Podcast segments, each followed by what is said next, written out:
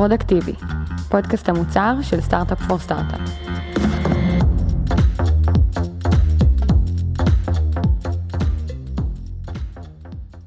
שלום לכולם, אני רן ארז ואתם הגעתם לפודקאסט שבו אנחנו מדברים עם מנהלי ומנהלות מוצר על בעיות מוצריות שהם נתקלו בהם, הפתרונות שהם מצאו והשיעורים שכולנו יכולים ללמוד מהדרך שלהם. ובפרק של היום נדבר על הבעיה המוצרית הבאה. איך אנחנו יכולים לענות על צרכים של משתמשים שונים לגמרי באותו המוצר. ומי שתספר לנו על ההתמודדות שלה עם האתגר היא אילת לב-ארי, product director בחברת Healthy.io. היי אילת. היי רן. מה שלומך? מעולה, מה שלומך? מצוין. אה, אולי תספרי לנו קצת יותר קונטקסט, איזה רקע אנחנו צריכים להכיר כדי לצלול ככה לבעיה. אוקיי, אז אנחנו הולכים לדבר היום על אה, איך ניגשים להרחבה של מוצר לסגמנטים חדשים. אה, זו בעיה שבעצם תופסת את רובנו באיזשהו שלב של המוצר, כי אנחנו מדברים על צמיחה ואנחנו רוצים להתרחב ואנחנו בעצם אה, בכל מיני נקודות זמן רוצים ללכת למרקט אחר או ליוזרים אחרים כדי להגיע לצמיחה.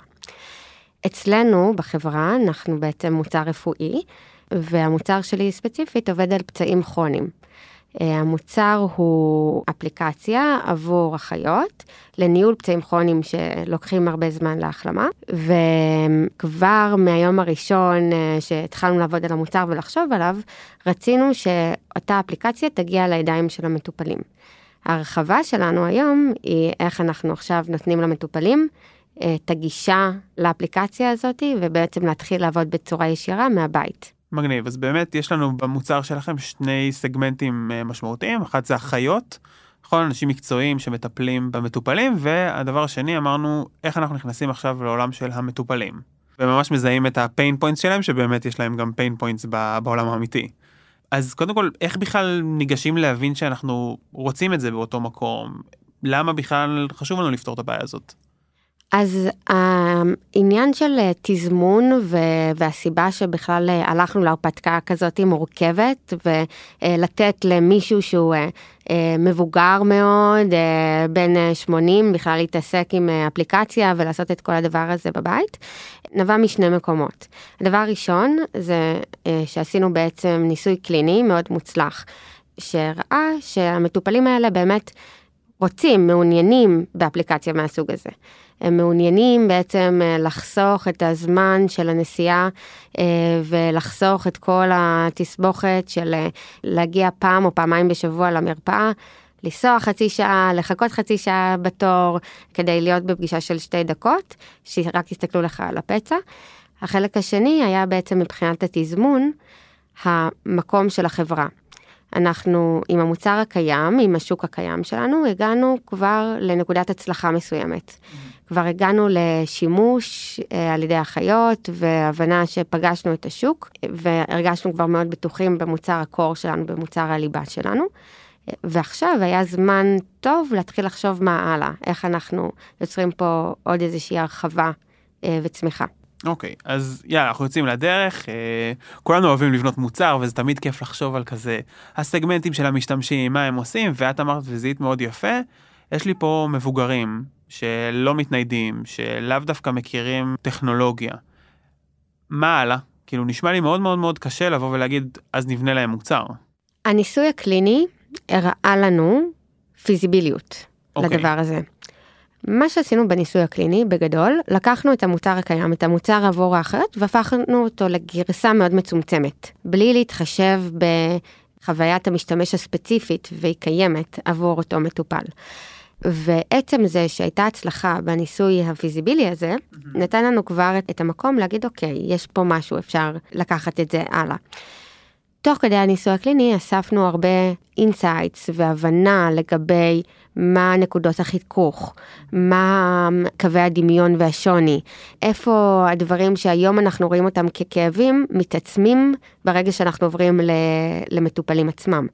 ולכן איך אנחנו צריכים לתעדף אחרת אפילו את הפיצ'רים שאנחנו חושבים עליהם. מגניב ממש זה כאילו את, את עושה פה איזושהי קפיצה שכאילו ממש ממש מתחברת לי טוב. זאת אומרת רגע רגע אוקיי הבנו שיש איזושהי בעיה אבל לפני שאנחנו קופצים ו, ומפתחים בוא נראה להם את המצב הקיים את המוצר הקיים שהוא בכלל פוקוס לאחיות שהן מכירות בדבר הזה. נפשט קצת אולי אבל זה דרך ממש ממש טובה רגע לראות שנייה את הפערים בלי עכשיו לצאת לאיזשהו פיתוח ארוך ולגלות ש, שטעינו, אז את משווה את, ה, את הדברים האלה, את רואה פידבקים שהם בעצם הפידבקים על האפליקציה, אבל הם יותר מותאמים לאותו סגמנט של המשתמשים, כאילו הם נותנים לכם פידבקים יותר יותר ספציפיים, כמו נגיד מה למשל? אה, אני אתן כמה דוגמאות. אז אה, דוגמה אחת היא כל העולם של התקשורת עם האחות. הרי כשהאחות אה, עושה את הפעולה, אין לה צורך בתקשורת, או הצורך בתקשורת הוא מינימלי. הצורך בתקשורת הופך להיות משהו שהוא קריטי, האינטראקציה זה משהו שהוא בליבה של המוצר עבור המטופל. דברים שקשורים אפילו לפלואו בסיסי, איך אני עושה אימות של, של חשבון. למטופל, לאו דווקא מטופל ב, לסבא שלי, סבא פנחס, לא בטוח שיש אימייל או אימייל על הפלאפון, שהוא יוכל לעשות אימות של חשבון ממש בזמן הביקור. נקודות חיכוך כאלה פתאום מתעצמות ואנחנו מקבלים פידבקים על הדברים האלה יותר ויותר כשאנחנו לוקחים את המוצר הקיים ורק מניחים אותו על מטופל. אוקיי, okay, מעניין, אבל נשמע לי כאילו ההחלטה הכי טריוויאלית הייתה, סבבה, זיהינו שבאמת יש אה, סגמנט, יש בעיות ספציפיות, ואנחנו מבינים שיש דברים שמועצמים, כמו למשל שסבא פנחס הצליח לעשות לוגין, מצוין. אז למה לא פשוט לבנות עוד מוצר או אפליקציה למטופלים? למה, למה בכלל להשאיר את זה באותו מוצר? לא השארנו את זה באותו מוצר, mm-hmm. בסופו של דבר כן אנחנו כרגע אה, מפתחים אפליקציה נפרדת עבור מטופלים. הרבה מהחלקים בה הם חופפים, mm-hmm. כן יש הבדלים קריטיים בין השניים. הסיפור של המטופל הוא לא הסיפור של האחות. המטופל עושה את אותה פעולה שוב ושוב על עצמו. למשל, הצורך שלו בגרסה שמנחה אותו ומכווינה אותו ונותנת לו הדרכה מאוד אה, ברורה ו- ומחולקת לפעימות, זה משהו ש... הרבה יותר חשוב למטופל מאשר לאחות. בסופו של דבר, במוצר שאנחנו מפתחים עכשיו, אנחנו בעצם בונים אפליקציה נפרדת, כאשר יש חיבור בין שתי האפליקציות. Mm, אוקיי, mm, okay, אז בעצם החיבור הוא, הוא מה שעושה את זה, זאת אומרת, יש, אני נותן חוויה אחת מאוד מובחנת לסגמנט משתמשים אחד, וחוויה אחרת מאוד מובחנת לסגמנט אחר, mm-hmm. אבל החיבור בין האפליקציות האלה הוא מה שבעצם אה, מעניין פה. באמת שגם אני נתקל בזה הרבה פעמים בשאלה של, רגע, האם אנחנו... עוטפים משהו בצורה שהיא שונה לגמרי, אה, אבל עדיין יש איזשהו בסיס, או שאנחנו אומרים לא, זהו, האנשים האלה מתנתקים, ואני חושב שהרבה פעמים מה שאני מנסה לשאול את עצמי זה, האם יש אינטראקציה בין המשתמשים השונים, ולמשל, האם אני מצפה שהמשתמשים השונים ישתמשו בשתי הפונקציות. זה כזה עוזר לי מאוד להחליט שלהגיד, אוקיי, אנחנו אורזים בצורה אחרת, אבל יש חיבור, או שאנחנו אומרים לא, לא, לא. זה עולמות שונים לגמרי, אין קשר ביניהם, לכו בנפרד. איך זה כזה פוגש אותך? אז אני חושבת שמה שמעניין זה באמת להבין שיש חיבור ושיש השפעה. כלומר, האחות עכשיו מושפעת מעצם הקיום של אפליקציה עבור מטופל. ובמה היא יכולה להיות מושפעת? היא יכולה להיות למשל מושפעת מבעצם זה שהיא עכשיו צריכה לתת פידבק, mm-hmm. צריכה לתקשר. עכשיו, אמרנו שהמטופל עצמו, אחד הדברים שחשובים לו ופחות חשובים לאחות, יש, יש שם אלמנט של תקשורת ולקבל פידבק. היא צריכה להיות זאתי שפתאום נותנת את הפידבק. איך זה משפיע עליה? איך זה משפיע על העבודה שלה? מה אני יכולה לייצר עבורה ולפתח עבורה כדי להקל בעצם על השינוי הזה ועל ההשפעה עליה בתוך אותה אינטראקציה. האם אני נותנת לה עכשיו Q שקל לה לנהל ונוטיפיקציה כשהגיע איזשהו מידע חדש ממטופל, האם אני נותנת לה את היכולת לתת אה, אה, פידבק מאוד מהיר בלחיצת כפתור, או שהיא ממש צריכה כל פעם להתחיל לכתוב אה, אה, הרבה טקסט. אז כשאני פונה עכשיו על הסגמנט החדש, mm-hmm. אני עדיין צריכה להסתכל על איך זה משפיע על הסגמנט הקיים, ובעצם אני לא עוזבת אותם בנפרד ואומרת, אוקיי, להם יש מוצר, אני מתעסקת רק באלה. Mm-hmm.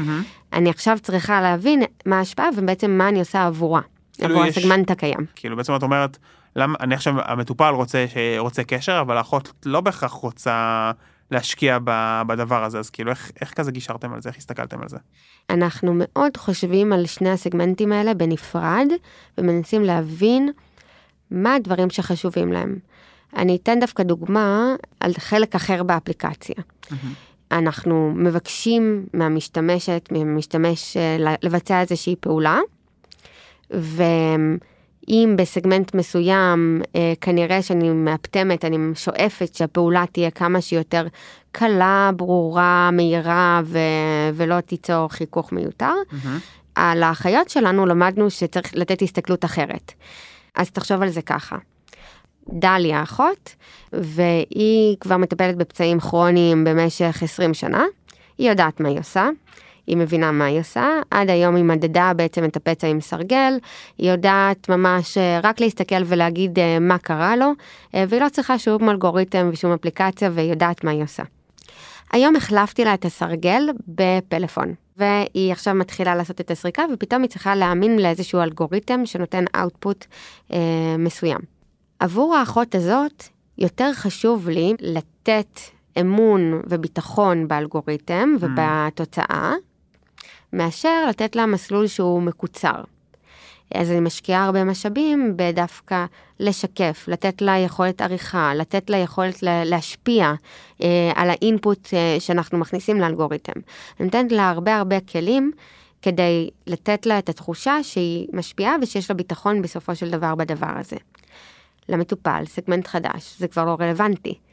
הוא לא עובר את כל הדברים האלה, הוא לא, אין לו ניסיון מקצועי של 20 שנה שעכשיו הוא צריך אה, אה, להרגיש ביטחון באלגוריתם מאחורה, הוא אפילו לא יודע שזה קיים. מבחינתו הוא שלח תמונה, הוא שלח וידאו לאחות, וזהו, זה משהו שנשלח לעולם. אז אני מאוד חושבת על הדבר הזה בצורה שונה. אה, ועל המשתמש הזה, על הסגמנט הזה, כמישהו אה, שיש לו רצונות ו- ופונקציית תועלת אחרת לגמרי, ומשנה בעצם את החשיבה גם בפיצ'רים אה, שאנחנו מפתחים בהתאם. אני חושב שזה כזה נותן איזשהו טוויסט ממש מגניב, כי הרבה פעמים אנחנו כזה בתור מנהלי מוצר, מנסים לשפר את הפאנל, לעשות אותו כמה שיותר uh, מהיר, להעביר את השלבים, להוריד סטפים כדי שמשתמשים לא ייתקעו ולא יהיה חיכוך כמו ש- שאמרת, ופה את אומרת לא לא לא, זה שאנחנו מורידים חיכוך זה מייצר בעיה, כי בעצם אומרים, מה זה, זה דליה בקסם? לא, אני, יש לי 20 שנות ניסיון, לא אין מצב שאתם מכניסים את זה לאיזשהו אלגוריתם black אה, box כזה. אז אני חושב שדווקא בסיטואציות שבאמת יש לנו, super users כאלה, דווקא שם לפתח להם את המקום להשפיע ולראות את התוצאות, הוא משהו שהוא מייצר הרבה יותר ודאות והרבה יותר מקום אה, לסמוך, וזה משהו ממש מעניין, כי אני לפעמים חושב על זה, רגע, המשתמשים שלי, אז אוקיי, זה משתמש במרכאות פשוט, או משתמש שעכשיו אני צריך לתת לו את התחושה שהוא השפיע על הדבר הזה ויצר תוצאה בחוץ.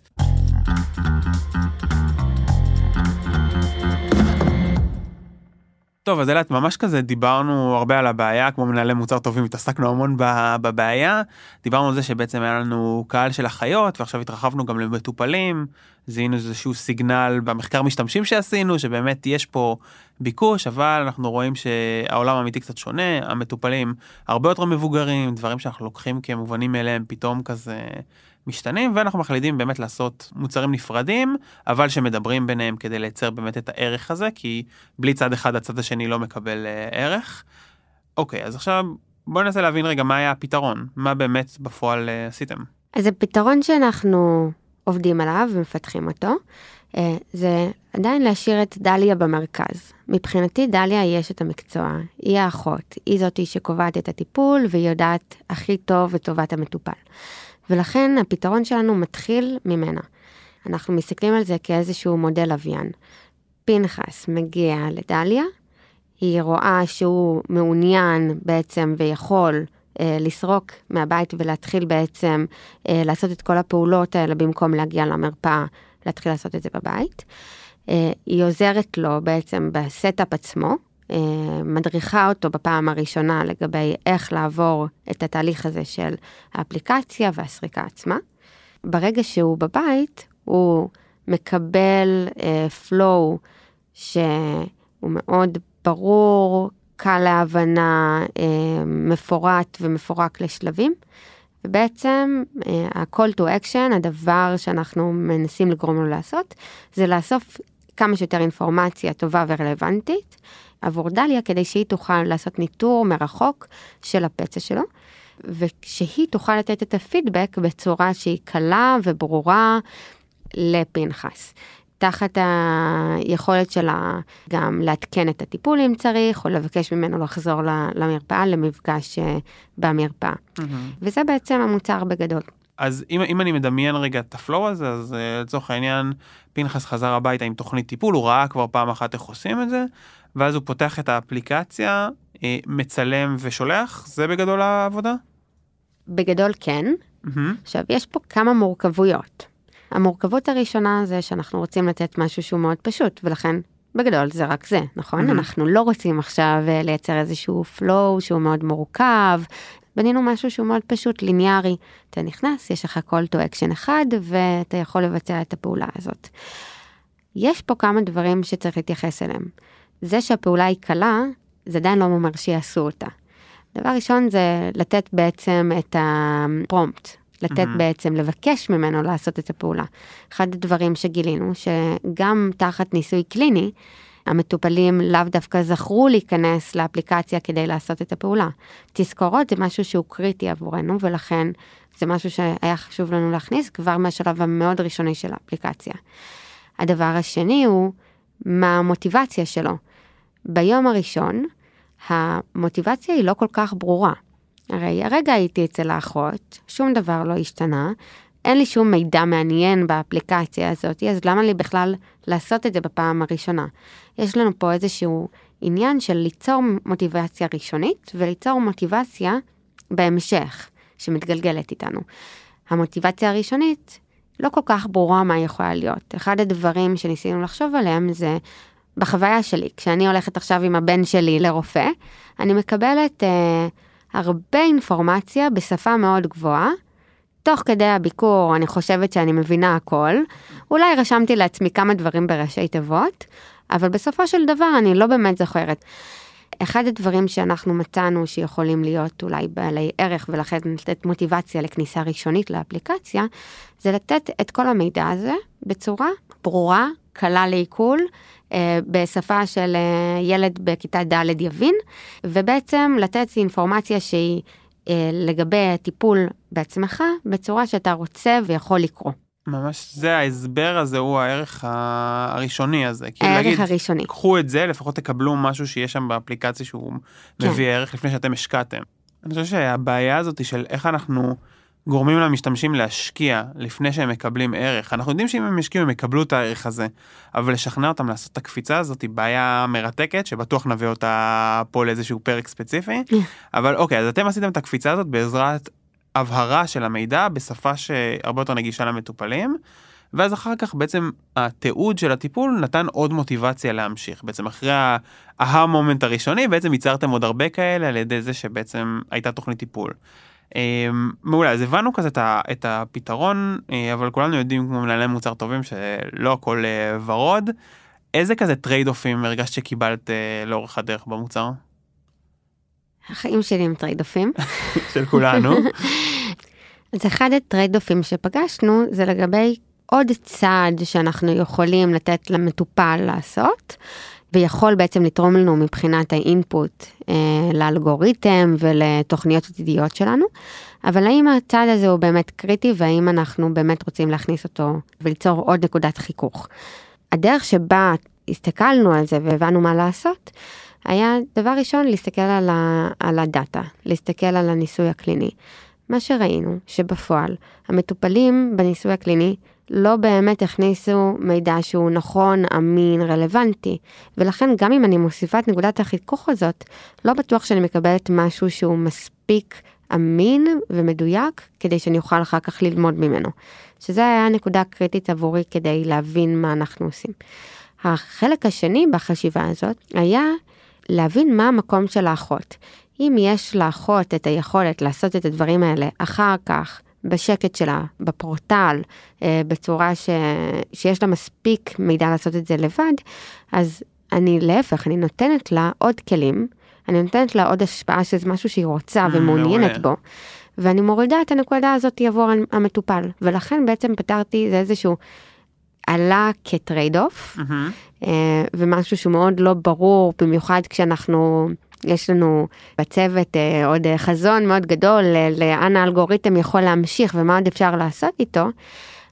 זה היה לא ברור שאנחנו מורידים עוד שלב שיכול לעזור לנו בעתיד. לעומת זאת הפתרון נתן איזשהו ווין ווין.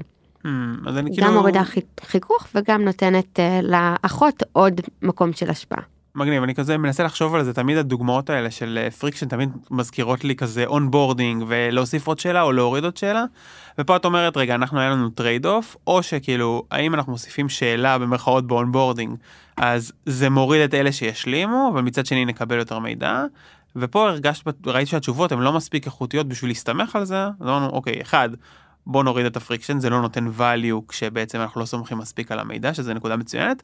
אבל נקודה שנייה, עשית כזה פלוס אחד, שזה ממש אהבתי, זה אמרת, רגע, מי יכול להשלים לי את המידע הזה ואולי אפילו לייצר עוד דרך? ואמרת, בוא נחזור לאחות, בוא ניתן לדליה את, ה, את המוטיבציה ואת הכוח להשפיע אפילו יותר, והיא תמלא, ואז זה כזה ממש לייצר כזה ווין ווין, שזה ממש הסתכלות מגניבה.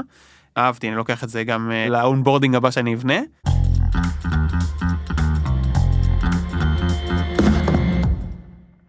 מכבים את האור, פתרנו את הבעיה, מצאנו הכל, למדנו כזה מה לא עובד, מה כן עובד. אם יש כזה משהו אחד שהיית רוצה שהמאזינים והמאזינות יישארו איתם, אה, תובנה שלך או משהו כזה. לראות את הבן אדם עצמו, את הקונטקסט שלו אה, בנפרד, ולא משנה עד כמה זה יכול לשנות ואת ההיפותזות הכי בסיסיות של המוצר. כלומר, אנחנו עובדים על הרחבה, אנחנו עובדים על אה, עוד סגמנט חדש, ואנחנו תמיד אה, מעדיפים מבחינה פיתוחית, מבחינת אה, יעילות, להשתמש בכמה שיותר דברים שכבר קיימים לנו, אבל אנחנו תמיד צריכים להיות נאמנים למשתמש, לקונטקסט שלו, לסיפור הספציפי שלו, ולהבין באמת מה עובד ומה לא הגיוני, לא קשור פה. מדהים, אני כזה חושב על הפרק ועל השיחה שלנו, ואני לוקח הרבה דברים שהם כזה משפיעים עליי בתור מנהל מוצר, והדבר הראשון זה כמה חשוב להבין שיש לנו שתי פרסונות שונות, איזה value נוצר מהאינטראקציה ביניהם, שזה לא רק ניתן value למטופלים, ניתן value לאחיות, גם ניתן value באינטראקציה, מרתק בעיניי. הדבר השני הוא זה איך אנחנו מצליחים לעזור למשתמשים להשקיע לפני שהם רואים value, והרעיון הזה של להסביר את המידע הרפואי בצורה פשוטה הוא מעולה. והדבר השלישי שבכלל לא חשבתי עליו וממש העיף אותי, זה להגיד, אוקיי, אנחנו יכולים להוריד חיכוך מתהליך של המשתמשים במרכאות פשוטים, ומצד שני לייצר value אצל המשתמשים היותר super users בזה שהם ישלימו וירגישו מעורבים ב... בתהליך. זה בעיניי ממש מרתק ואף פעם לא חשבתי על זה, אז כזה ממש תודה על התובנות האלה. אה, ולכולם, באמת היום דיברנו על בעיה מאוד מאוד מאתגרת, איך אנחנו לוקחים שני משתמשים מסוגים שונים לגמרי, גילאים שונים לגמרי, ידע שונה לגמרי, ומשלבים אותם ביחד לייצר תהליך אמיתי בעולם האמיתי. אה, דיברנו על אתגרים, דיברנו על ה trade-off, ואנחנו מקווים שתיקחו את זה איתכם ותטמיעו את זה במוצר שאתם עובדים עליו עכשיו, או במוצר הבא שאתם בונים. רק רציתי להגיד אה, באמת אה, את ההערכה העמוקה שלי לכל האנשים שמעורבים בתהליך של הבנייה של המוצר הזה. לכל אחד יש פה תרומה מאוד מאוד משמעותית, אם זה אה, אנשי הפיתוח ומעצבי חוויית המשתמש, ואנשי הרגולציה, והקליניקל דירקטור, וההנהלה עצמה, ובאמת כל אה, האנשים אה, שנמצאים ואנחנו עושים את, ה, את העבודה הזאת ביחד אה, וזה מדהים לעבוד עם אנשים כל כך טובים. ובסוף אתם משנים את החיים של המטופלים שלכם לטובה שזה מדהים אז תודה רבה אלה שהשתתפת ושיתפת אותנו. תודה רן. ותודה לכולכם שהאזנתם. פרודקטיבי, פודקאסט המוצר של Startup for Startup.